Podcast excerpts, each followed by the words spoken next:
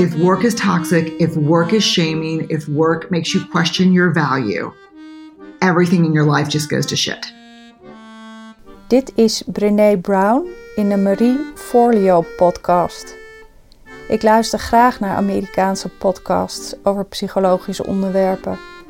Elke aflevering sluit host Marie af met de woorden: Stay on your game and keep going for your dreams because the world needs that very special gift that only you have. Stay on your game and keep going for your dreams.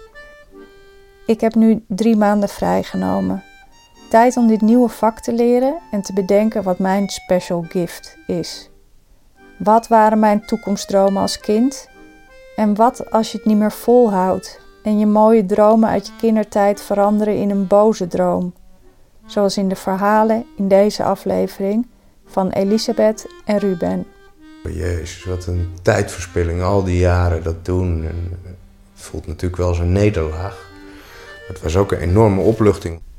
En dat was het moment dat ik dacht: als dit de consequentie zijn van mijn werk, dan kan ik dat niet meer dragen. Elisabeth woont net als ik ook in Ilpendam. Toen mijn jongste zoon Fabian thuis geboren werd, was zij erbij. Ze was vroedvrouw en een enorme steun bij de bevalling. Als ik in wanhoop uitriep dat ik dit echt niet kon, glimlachte ze geruststellend, praatte me moed in, zei dat alles perfect ging en begon babykleertjes bij elkaar te scharrelen. Lieve meid, wat wil je? Ik heb hier een beetje classic chai in. Oké. Ik zie je bent bezig met techniek. Ik zie het aan je. Hoe staat het met de techniek? Goed. Heel goed, heel professioneel. Deze nog even aanzetten. Alsof je er echt, alsof je gewoon ervaren bent. Alsof je weet wat je aan het doen bent. Maar dat weet jij toch? Nou, ja. Ach, wanneer weet je wat je aan het doen bent? Mag ik dat even weten? Ja joh, wanneer weet je wat je aan het doen bent als het, als het geen enkele energie meer kost? Toch? Ja. Dan klopt het. En als je er energie van krijgt, en dus ook eigenlijk als vanzelfsprekend handelingen kan verrichten. Ja, als het vanzelf gaat. ja. Nou ja, dit gaat dus wel allemaal nog niet vanzelf bij mij. Nou, ik voel me Maar- reuze op mijn gemak bij jou als eh podcastregisseuse.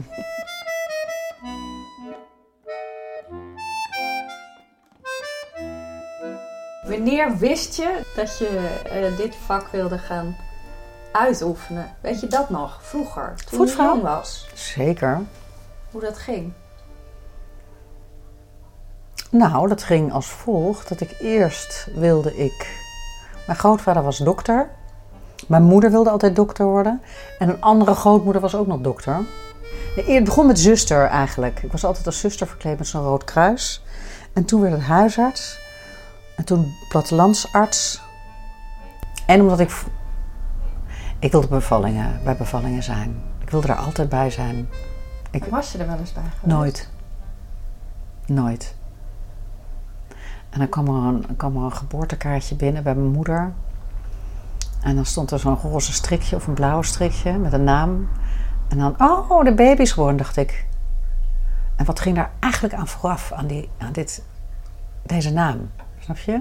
Wat gebeurde er eigenlijk daarvoor, nu we allemaal weten dat die baby is geboren? Heeft niemand mij ooit verteld.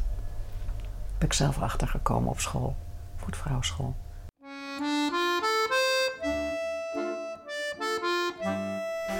Ik doe nog steeds niks. Misschien moet ik Misschien moet je deze even nog iets meer erin Check, drukken. check. Nou, dit is altijd mono microfoon. Ik denk dat ik misschien uh, both from left moet kiezen. Mijn broertje Ruben werd geboren toen ik 15 jaar oud was. Een paar jaar later, op mijn HAVO-diploma-uitreiking, danste hij op het podium. Ik wist toen niet wat ik wilde worden later. Als kind droomde ik van een baan als grimeuze bij de film, maar dat was overgewaaid. Tentoonstellingen maken leek me wel wat, dus ik ging in Leiden museologie studeren. Had je vroeger een droom over wat je zou willen worden? Toen ik eh, een klein jongetje was. Ja. Nou, dat weet ik eigenlijk niet. Ik geloof misschien wel rechter. Oh ja, en ik wilde ook reiger worden. dat was nog een stuk jonger. Toen was ik denk ik drie of vier.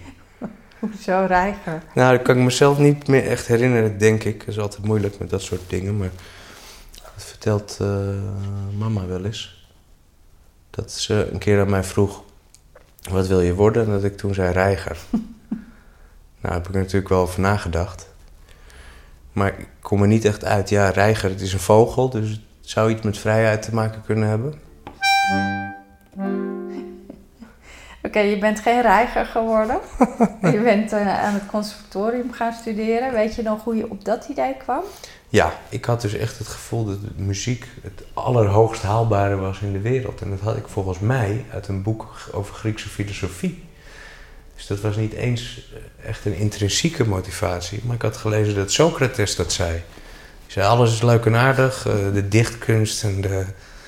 Uh, maar muziek, dat is echt het sublieme, het aller, allerhoogste. En ik dacht, nou, als dat zo is, dan moet ik dat volgens mij gaan doen. Los van dat ik het leuk vond. Want ik was natuurlijk ook goed in andere dingen. Ik, ik had ook een, uh, IT kunnen gaan studeren. En dan was ik nu helemaal binnen. Dan had ik een villa en een Porsche en een... Uh, ja. Dan was ik een super hacker geworden. Ja.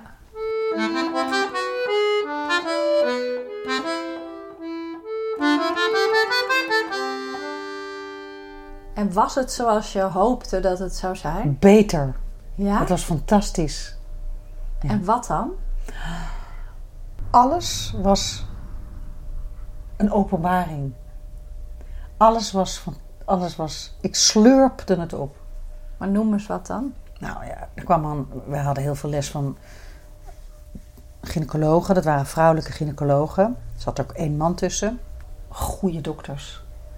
En die vertelden dan, en dan hing ik aan zijn lippen gewoon. En dan, dan keek ik naar die vingers. Kromme vingers van het, van het ambacht. Gewoon van het met hun handen voelen. En hele mooie handen hebben, hebben mensen die met hun handen werken. Nou ja. Ja, dus dat vond je mooi? Dat vond ik mooi. En hun verhalen vond ik mooi. En hoe je moet zijn. En hoe je het beste kan kijken. Waar je naar moet luisteren. Wat je... Het waren allemaal kleine details. En de grote verhalen waren natuurlijk de anatomie de verloskunde en de pathologie. Paste het ook goed bij je? Het ja, vak? zeker. In welk opzicht? Ik was voor de dode duivel niet bang. En dat kwam goed van pas? Dat kwam heel goed van pas. Ik was voor de dode duivel niet bang. Ik wist wel dat er ooit eens een keer iets zou kunnen gebeuren, maar ik, daar was ik niet mee bezig. Ik zou het, wel, varkentje wel eens even wassen. Snap je? -hmm.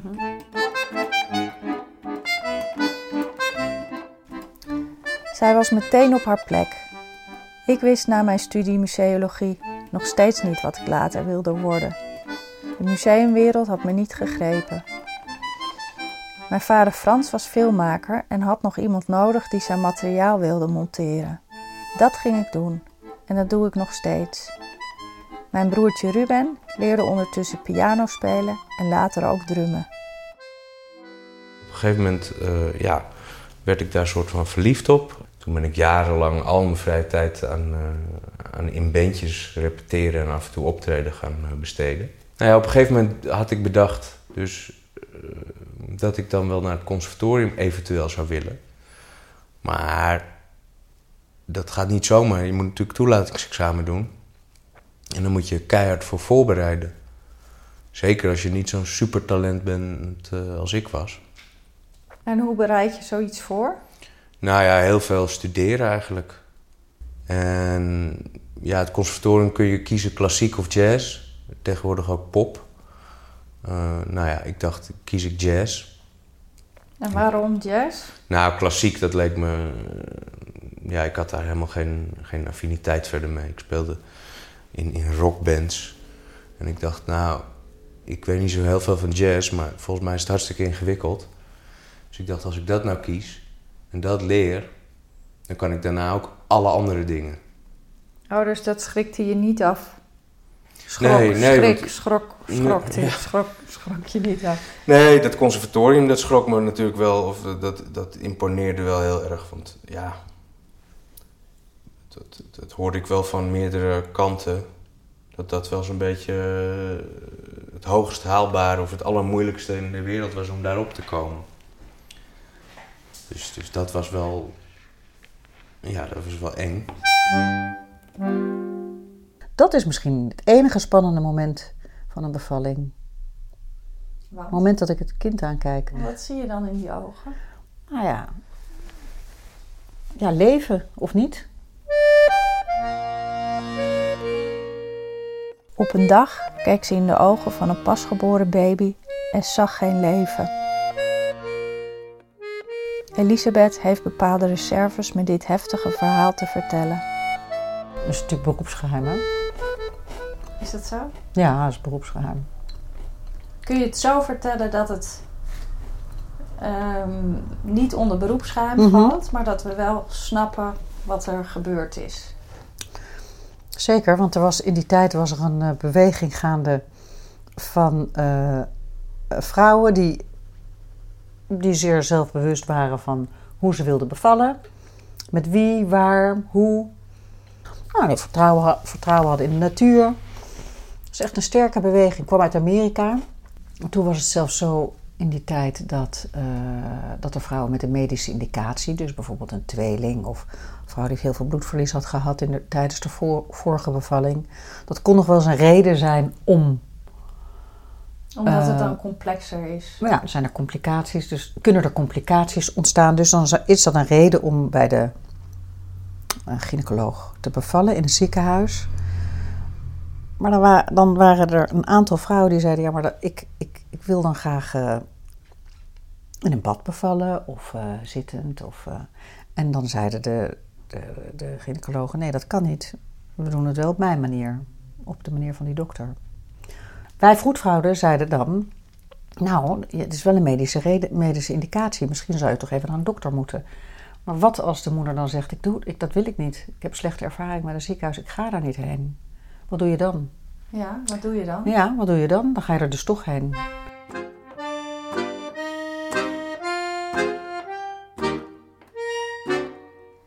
En toen werd ze door een collega verloskundige gevraagd te assisteren bij een thuisbevalling. Een vrouw weigerde naar het ziekenhuis te gaan, ondanks dat de baby in stuitligging lag. Dat wil zeggen dat het stuitje eerst naar buiten komt in plaats van het hoofdje.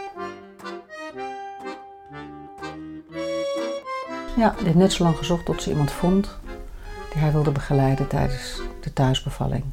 Ik heb nooit ergens geen seconde aan getwijfeld.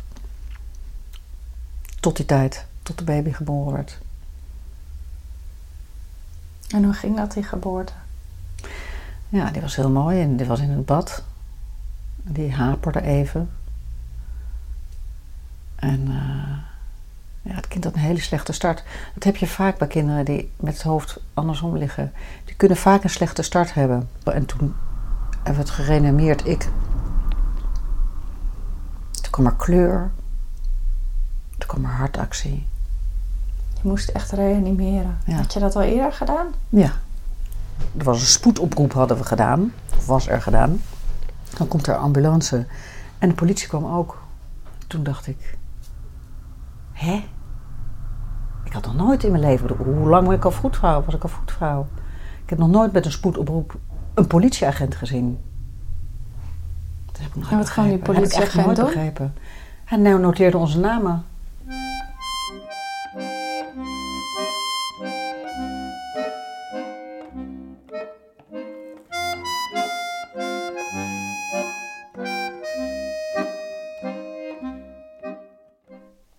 Zulke heftige dingen maak ik niet mee tijdens het filmmaken.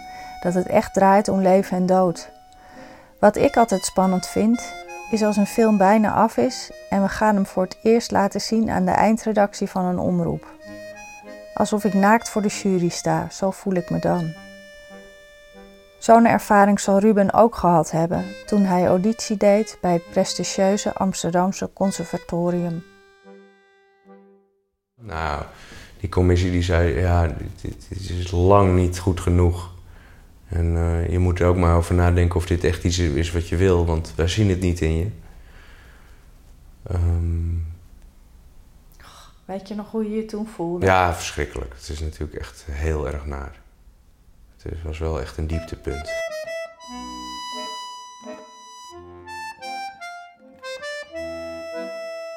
Overgeleverd aan het oordeel van anderen, dat zijn vaak cruciale momenten.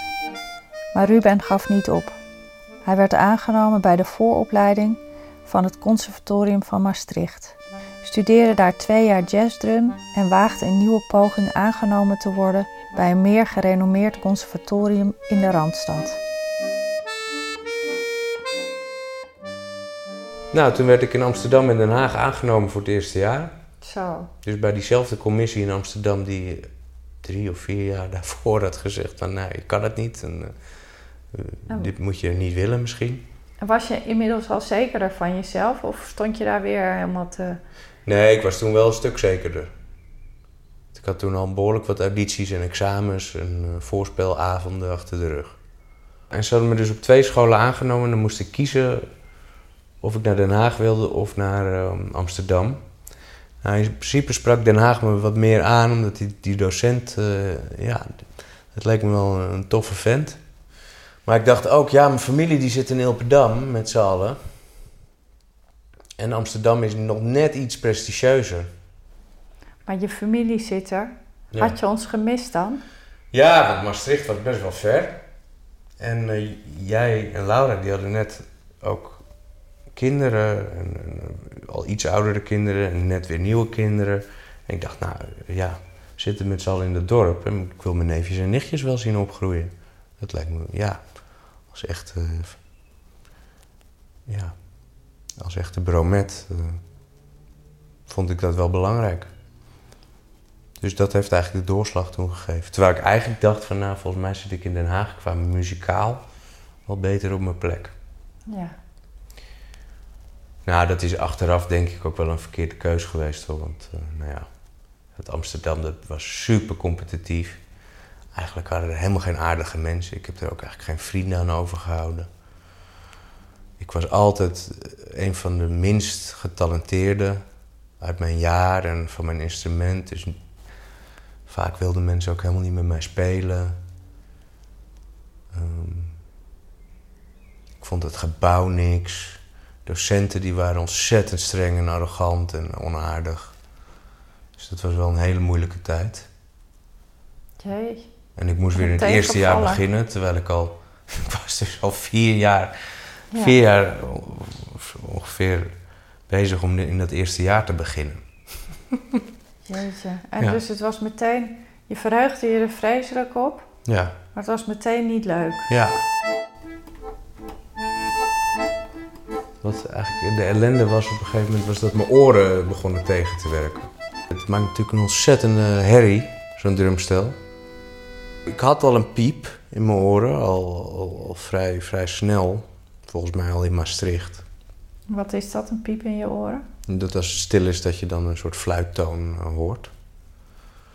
Nou, dat is in het begin heel beangstigend, maar dat hebben, hebben eigenlijk alle muzikanten wel.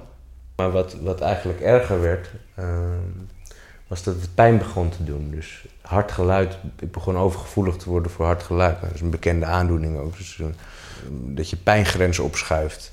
Dus als er een ambulance langs rijdt en normaal iemand die denkt, oh wat een hard geluid, dan, moest ik echt mijn oren dicht doen, omdat het gewoon heel veel pijn deed. Ik dacht van ja, hoe moet ik dit nou doen? En toen, ik weet nog heel goed, zat ik met mijn ouders, eh, onze ouders, aan tafel. Ik zeg van nou, ik weet echt niet meer hoe ik het moet doen, want kan niet meer studeren, terwijl dit is het enige wat ik moet doen.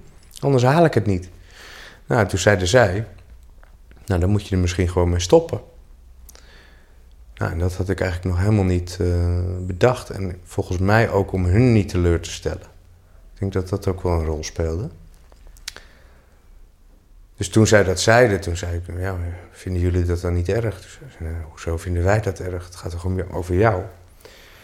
Nou, toen heb ik eigenlijk diezelfde dag nog besloten van, nou, kappen mee. En van de een op de andere dag eh, bijna nooit meer mijn trommels aangeraakt. Of in ieder geval heel lang niet. En daarna nog maar heel sporadisch.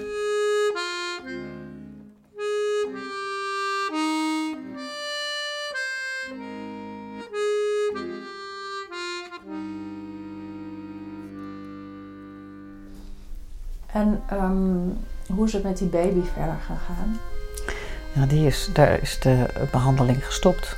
Omdat hij natuurlijk omdat die hersenactiviteit niet goed was.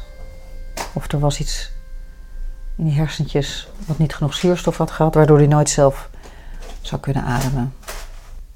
Ja, wat een Dus ja. schok. Ja. Ik had echt. Ik, realiseerde ik ook- bleef geloven dat het niet zo was. Heel gek. Wat had je dat ooit meegemaakt? Hm? Dat een kind het niet haalde? Jawel. Nou, dit was anders.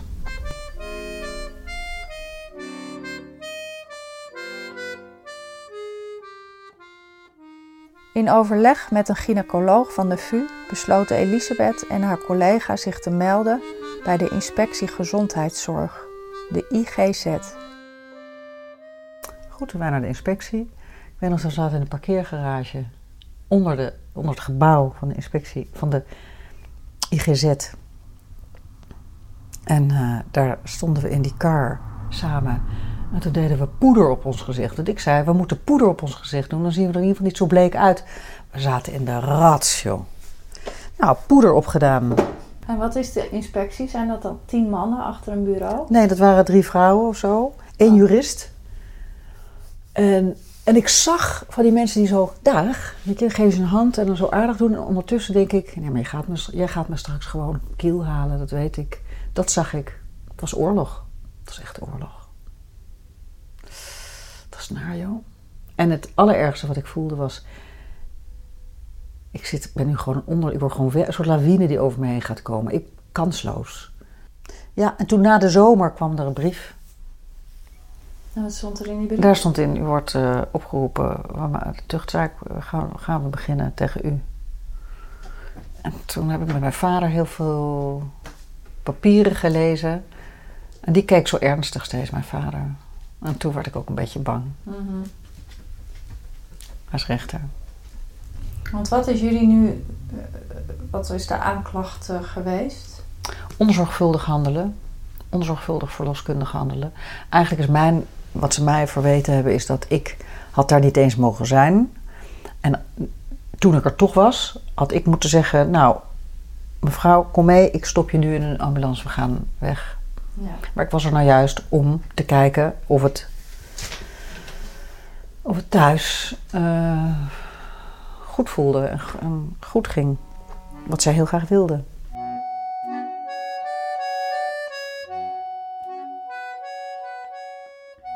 De uitslag van de tuchtzaak maakt veel los in het hele land. Elisabeths collega wordt als hoofdverantwoordelijk aangemerkt. Titel ontnomen, zei Ze mocht haar vak niet meer uit. Ze mochten per, he- per direct.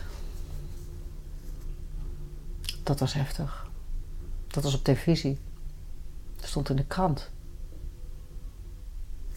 En jij? Berispt.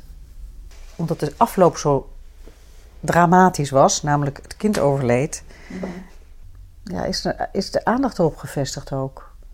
Plus het was natuurlijk een rij van incidenten van vrouwen die eigenlijk bij de gynaecoloog hadden moeten bevallen, maar er zelf voor kozen om thuis te blijven en daar hulp voor vroegen.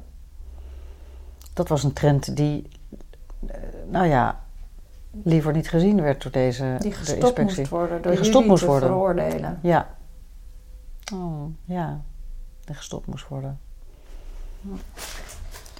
En hebben die ouders ook nog een rol daarin gespeeld in dat hele proces? Met die inspectie? Ja. Ja, dat waren ongelooflijke goede lui. Maar hebben ze jullie gesteund? Of Ja. hebben ze jullie... We hebben elkaar alleen maar gesteund. Het was zo bijzonder.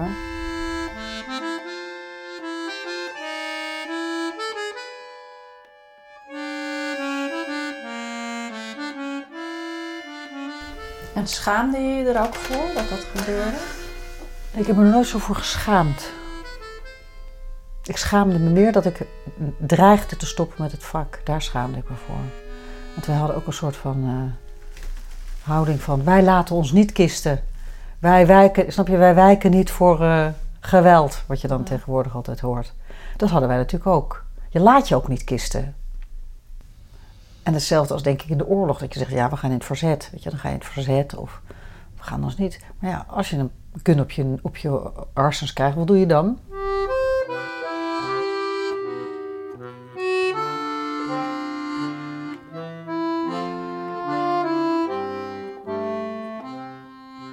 Maar ja, je hebt daarna bijna dus niet meer gedrumd. Nee.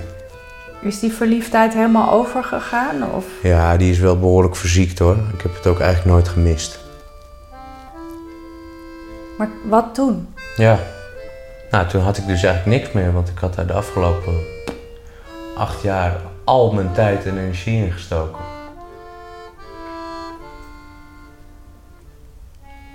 En eh, ja, toen moest ik gaan bedenken van wat, wat ga ik dan nu doen? Ik moet natuurlijk iets te doen hebben. Dus ik dacht, nou, ik kan natuurlijk nu iets anders gaan studeren. Maar ja, ik was al acht jaar aan het studeren. Ik dacht, ik kan, ja, of ik kan nu gaan werken, maar wat dan? Want ik heb geen diploma's. Ik had natuurlijk ook geen diploma, omdat ik stopte in mijn laatste jaar. Nou, toen ben ik eigenlijk eh, meer in het, eh, in het familiebedrijf gaan doen. Maar dat was niet zozeer een verliefdheid. Dat was meer dat je dacht, nou dan kan ik tenminste... Ik heb werk. Ja, dat is toch op een andere manier weer bevredigend, omdat ik altijd met mijn vader op pad ben. En die is, ja, eigenlijk van jongs af aan heb ik het al, al het idee dat ik heel erg moet genieten van de tijd met mijn ouders, omdat ze waren 42 toen ze mij kregen. En ik weet al vanaf jongs af aan dat ik aan het uitrekenen ben hoe oud ik dan ben als zij ongeveer overlijden. Omdat ja, ik wist gewoon, alle, alle ouders van al mijn vriendjes en vriendinnetjes, eh, die zijn veel jonger. Dus ik wist gewoon, ik, ik moet, moet hiervan genieten.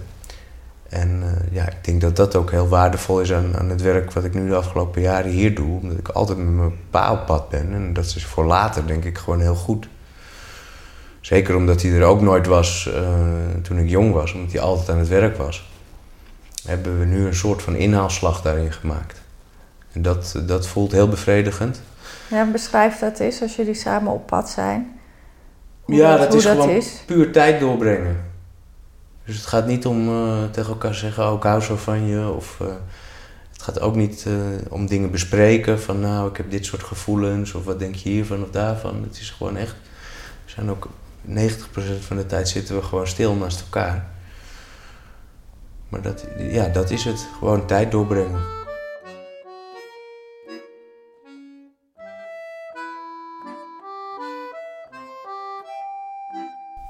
Had geen vertrouwen meer aan de natuur. Ik had geen vertrouwen meer aan het leven. Snap je? Geen vertrouwen meer in een gezonde vrouw. Ik dacht bij alles, ja, straks gaat die, gebeurt iets met de baby. Ik sta erbij. Ik, je, ik kon niets meer, ik kon niet meer loskoppelen van verantwoordelijkheid. Geen verantwoordelijkheid. Nee. Toen ben ik gaan kramen. Kraamzorg gaan doen. Dat was een trouvaille. Heb ik zes jaar of zeven jaar gedaan.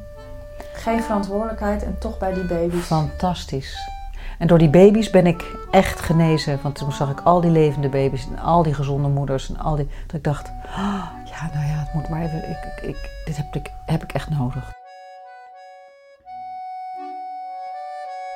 Dat was een grote switch. Ja. Die had ik ook. Maar ik heb daar nooit over nagedacht. Het gebeurde ineens. Ik dacht, ik moet geld hebben. Geld ja, om boodschappen van te doen, het huis van te betalen, je gezin te onderhouden. Ik verdien geld met films maken en dan voornamelijk met het monteren van het materiaal van mijn vader Frans.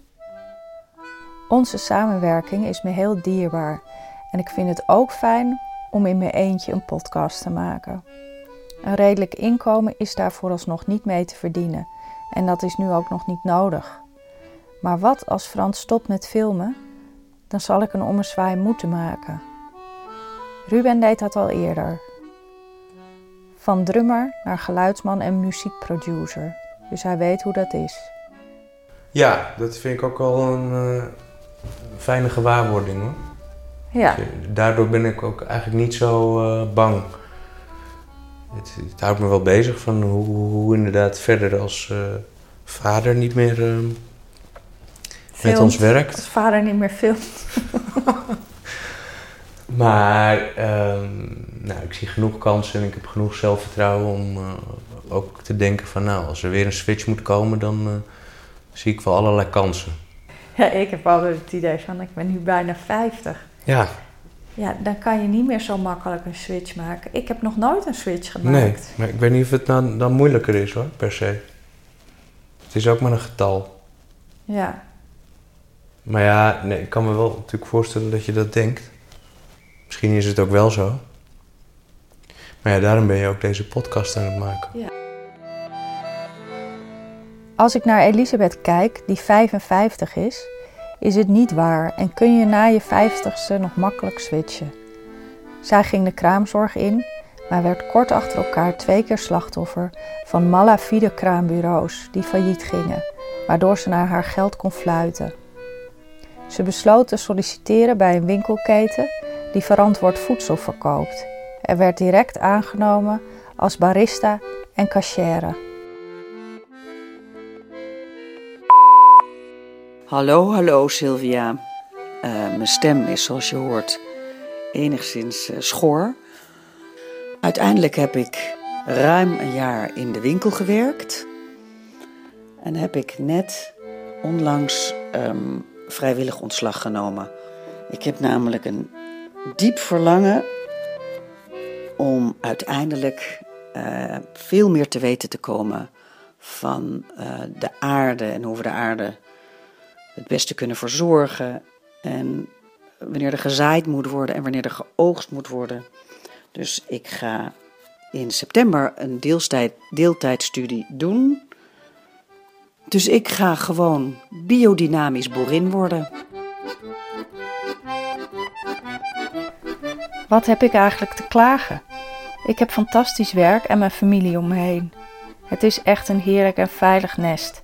En toch, ik heb het gevoel dat ik niet meer echt vooruit kom in mijn werk. In de volgende aflevering twee vrouwen die hun veilige nest verlieten. Hoe hebben ze dat gedaan? En hoe kijken ze terug op deze rigoureuze keuze?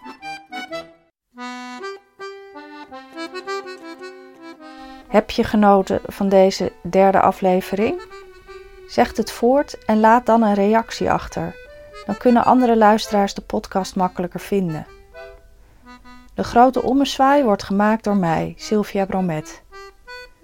De muziek is van Accordeon Melancholique en de podcast wordt uitgegeven door Saar Magazine.